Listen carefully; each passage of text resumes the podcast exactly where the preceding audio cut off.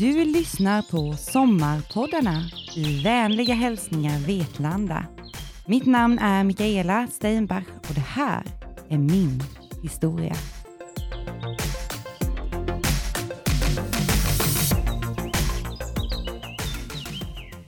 För er som inte vet så är jag arkeolog och historiker. Jag är pedagog, jag är egenföretagare och jag arbetar med att berätta för människor varför historia är så viktigt. När jag började plugga till arkeolog för 13 år sedan, på min första lektion, när man satt där nervös, spänd och förväntansfull, så kommer det in en herre. Han var ganska liten, men väldigt reslig, ganska gammal och hette Göran Burenhult. Han är en av Sveriges mest kända arkeologer. Och han ställer sig och blickar ut över alla oss som sitter där. Vi var nog lika nervösa allihopa. Och sen tittar han rakt på mig, rakt in i mina ögon. Och så säger han, vet du inte varifrån du kommer? Kan du inte förstå din samtid och du ska definitivt inte börja sia om din framtid. De här orden tog jag till mig. Riktigt mycket faktiskt. Innan dess hade jag egentligen inte varit så intresserad av Vetlanda. Tyckte att det var en liten pittoresk, söt småstad, men det var inte här jag skulle bo och leva. Men när jag började grunna på vad han egentligen hade sagt, så blev jag nyfiken. Vad fanns det för någonting i min närhet? Vad var det som hade format mig? Och hur ville jag fortsätta mitt liv? Då började jag titta på Vetlandas historia. Och jag upptäckte ganska snabbt att det här var ju en fantastisk plats. Inte alls den här utkanten, den här tråkiga lilla stan som jag hade föreställt mig. Kanske mest för att alla andra sa att så var det ju. Kanske egentligen inte vad jag tyckte. Men ska man börja min resa från början så måste jag nog gå tillbaka en bit. Till jag var ungefär fem år gammal. Jag kommer aldrig att glömma när jag och min morfar begav oss till Hultaby slottsurin för första gången. När jag kom dit så kunde jag inte se en, en ruin, utan det jag såg det var ju en stor fästning. Jag föreställde mig ett slott med tinnar och torn där det hade bott en prinsessa som hade blivit räddad av en riddare. Eller kanske tvärtom, att prinsessan hade räddat riddaren, vad vet jag. Men morfar och jag, vi satte oss längst ut på den här borgruinen och tittade ut över Storsjön som ligger nedanför. Och han började berätta. Han började berätta om en jarl som hade bott där. Han började också berätta att när han var liten så fanns det tydligen en tunnel in under borgen. Och det var ju där den här jarlen hade förvarat alla sina skatter och gömmer. Han sa att det hade varit lågvatten och han och hans kompis hade dykt in där. Jag vet än idag inte ifall det var sant eller inte. Och egentligen kanske inte det är så viktigt. Det han gjorde med mig när han satt och berättade om historien var ju att väcka ett intresse. Och ett intresse räcker nästan inte för han väckte en passion. Något som genomsyrar hela mitt liv. Lite tag efter där så kom det en film på biografen i Vetlanda. Egentligen tror jag det var tioårsgräns på Jurassic Park, men jag lyckades tjata och tjata och tjata på mina föräldrar att jag skulle få gå på den här. Och när vi sitter där och tittar tittar på de här urtidsdjuren så fortsatte den här fantasin. Det var spännande att blicka bakåt. Så spännande att jag sen som 19-åring tatuerade in en mening från Jurassic Park på benet. Life always finds a way. Det blev som något slags slagord. Otroligt kraftfullt och spännande. Att vi tittar vi nog en utväg ur det mesta. Men det här intresset för historien bara fortsatte. När jag var liten så gick jag på Bäckseda skola och på skolgården finns det faktiskt ett gravfält från järnåldern. Att det var från järnåldern, det visste jag nog inte när jag var tio år och sprang runt där och lekte stenåldersmänniska. Men det spelade ingen roll. Vi var rakt på historien. Vi smög in i matsalen och kunde knycka några knäckebröd. Och sen så skulle vi sätta oss där ute och mala ner dem till mjöl. Och vi, vi lekte. Vi var inne i en värld där man faktiskt fick på något sätt uppleva hur vi tänkte oss att det var förr i tiden. Så mitt intresse för historia har alltid funnits där. När jag gick på gymnasiet så läste jag samhällskultur. Jätteroligt program, men handlade väldigt mycket om kungar och årtal. Och det var egentligen inte det jag tyckte var spännande. Jag tyckte att det var spännande ännu längre tillbaka i tiden. Och jag ville komma så nära människan som möjligt. Inte Gustav Vasa upp i Stockholm. Nej, jag vill ju veta mer om Ärengisle. Eller så vill jag veta mer om alla de tusentals bönder som genom århundradena slitit och byggt upp det som idag blev Vetlanda. Och när jag så småningom började på högskolan på Gotland så fick jag chansen att själv grotta ner mig i det här. Ytterligare en sporre blev när eh, jag läste i Göran Burenhults bok Arkeologi i Norden att i Småland, där finns det ingen stenålder. Men det tyckte jag lät konstigt. Det är klart att det har funnits folk här på stenåldern. Och när vi fick skriva vår första uppsats, vår B-uppsats, så bestämde jag mig för att nu skulle jag motbevisa honom. Jag skulle alltså försöka ge mig på att motbevisa en av Sveriges främsta arkeologer. Så här i efterhand känns det lite svettigt. Hur vågade jag det? Men just då fanns det inget alternativ. Jo, jag skulle visa att det hade funnits stenålder i Småland. Och det var precis det jag gjorde. Jag eh, begav mig till Länsmuseet i Jönköping, började rota deras arkiv. Jag gick in på FMIS, Eh, det är en arkeologisk tjänst där man kan söka på olika historiska fynd som har hittats. Och mycket riktigt, gott om stenåldersyxor började pluppa upp. Faktiskt så finns det över 400 stenåldersyxor runt omkring i Vetlanda kommun. Och Det blev ju otroligt spännande och inspirerande. Nu kunde jag ju faktiskt berätta för Göran att men titta här, vi har också stenålder i Småland. Och det var egentligen så det började. Jag började forska mer och mer. Jag ville ju veta vilka yxor hade man hittat? Och de yxorna man har hittat allra, allra flest av är något som kallas för en enkel skafthålsyxa. En pytteliten grönstensyxa som inte ser så mycket ut för världen. Men vad använder man den till? Jag vände mig till en annan professor, Helene Martinsson Wallin. Hon har forskat mycket om Stilla havet, grundat en skola, en högskola på Samoa för arkeologi och var faktiskt en av Tore Höjendals eh, första elever att följa med till Påskön. Hon berättade för mig att exakt likadana yxor som de yxorna som var dominerande här i mitten av Småland i Vetlanda användes till att göra båtar med på Samoa och gjorde och gör kanske än idag. Wow, tänkte jag. Häftigt. Det betyder alltså att människor på olika platser runt om i världen, oavsett vad man har för förutsättningar, har samma typer av redskap när man är på samma utvecklingsstadie. Det var otroligt fascinerande.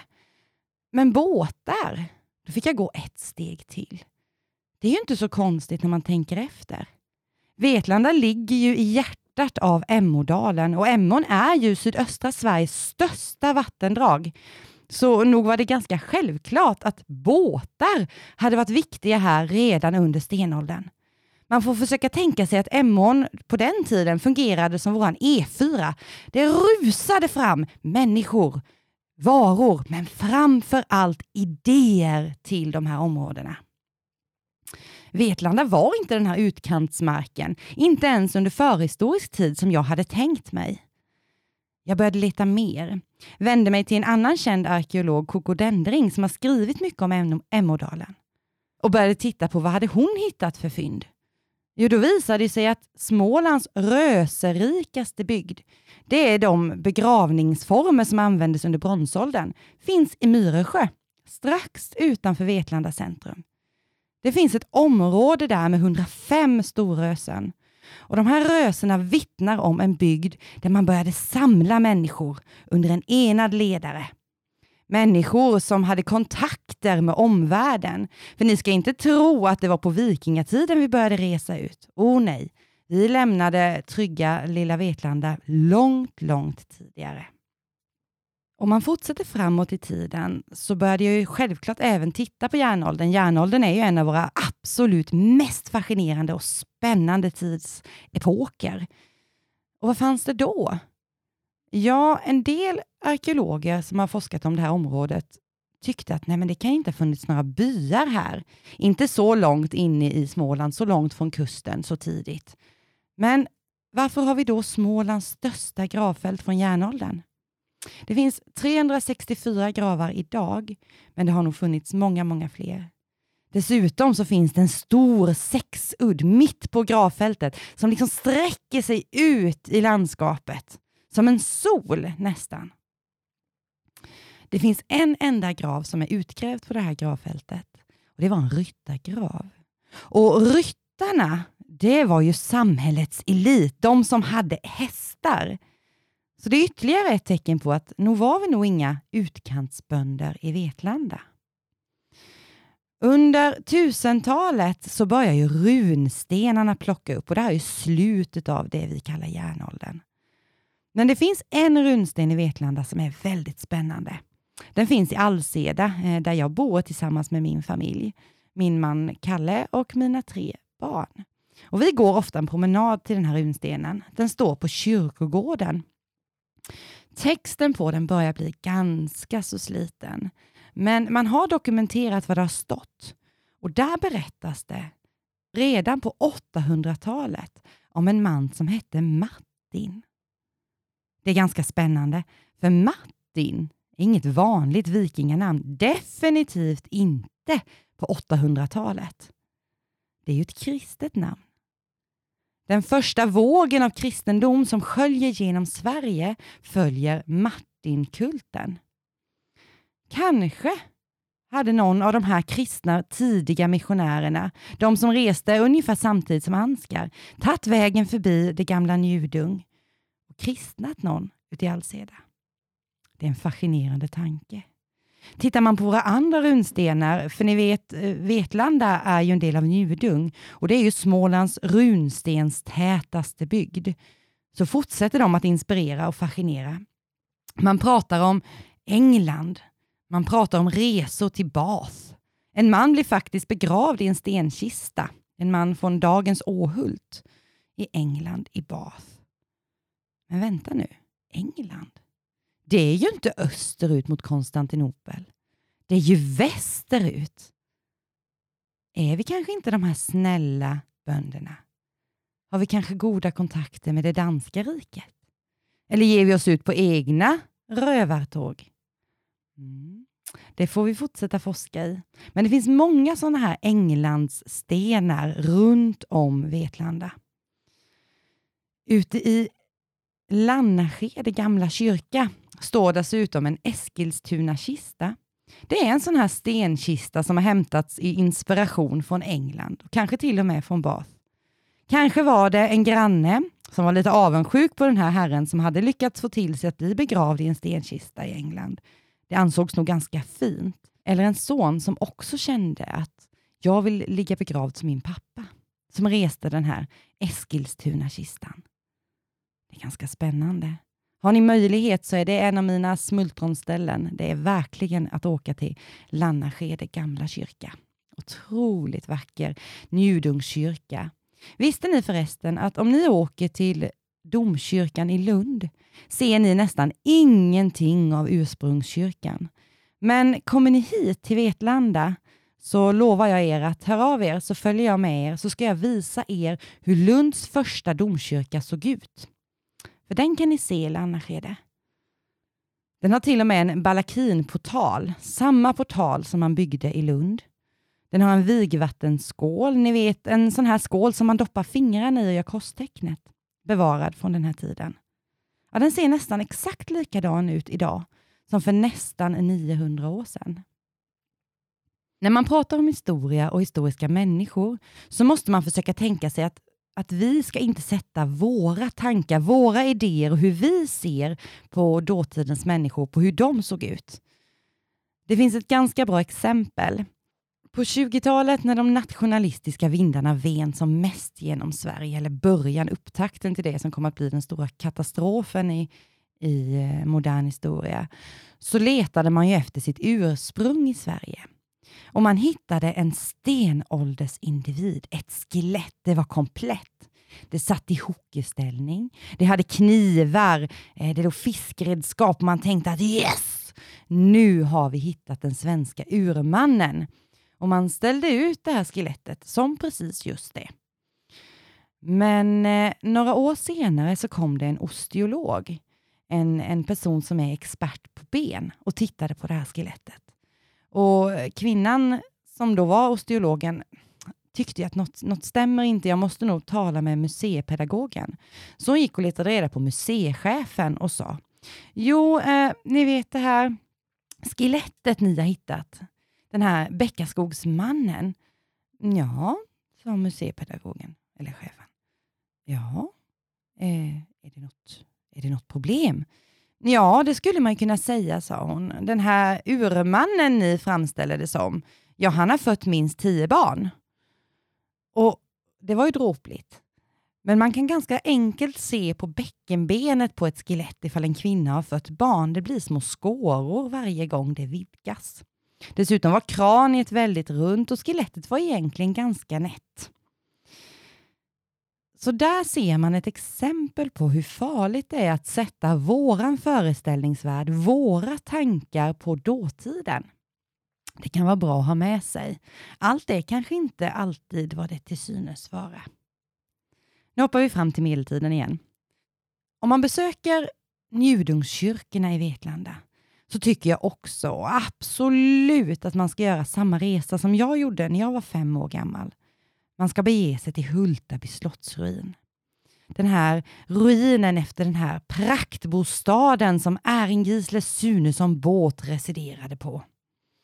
Han kanske inte var där så ofta, han hade många andra slott att besöka. Men Hultaby kom ändå att få en speciell plats i historien. Och inte bara för mig utan för hela våran bygd.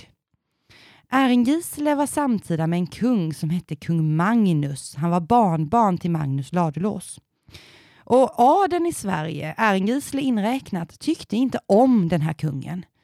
Han var gift med en drottning som hette Blanka. Har ni hört barnvisan Rida, rida, ranka, hästen hette Blanka? Den kommer från henne. och den kom väldigt tidigt. För man såg ofta drottningen leka med sina barn, vilket var väldigt ovanligt för den här tiden. Och Magnus gör sig impopulär, bland annat genom sin relation till drottningen. De får ganska många barn i början, men efter att flera stycken av dem har dött i barn, alltså som små, små barn i tidig ålder, så bestämmer sig kungen och drottningen troligtvis för att avsluta sina försök att skaffa fler arvingar. De har två söner, det räcker.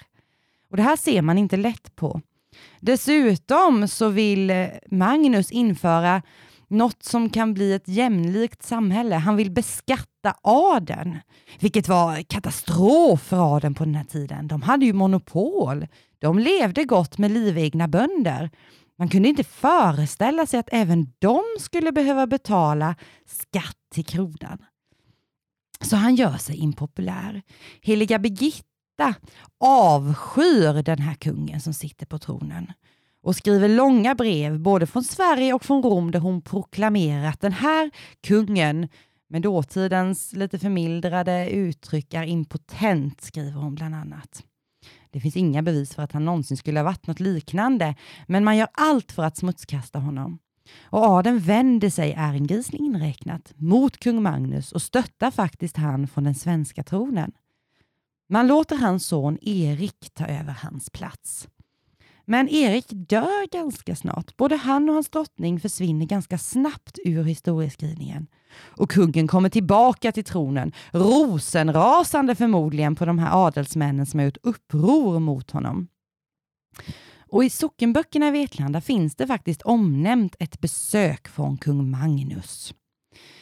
Man får väl tänka sig att Ärengisle kanske inte var så sugen efter att ha blivit förlåten, efter att ha sett som en av kungens närmsta män, blivit smutskastad som en förrädare och lyckats ta sig tillbaka till kungens gunst. Kanske inte han är så sugen på att svika honom igen. Vad som händer med Hultaby, varför den här praktbostaden brinner, vet vi säkert inte i källorna. Men en lockande tanke är ju ändå att när den svenska adeln återigen reser sig mot kung Magnus erbjuder Albrecht av Mecklenburg den yngre platsen på den svenska tronen. Kanske tog han vägen förbi Vetlanda. När borgen brinner så är det här inget plötsligt. För man hittar nästan ingenting när man gräver Hultaby. Spikar, några enstaka mynt men inga innebrända individer, inte en massförstörelse på den nivån. Så det är nästan som att man har vetat att någon har varit på väg.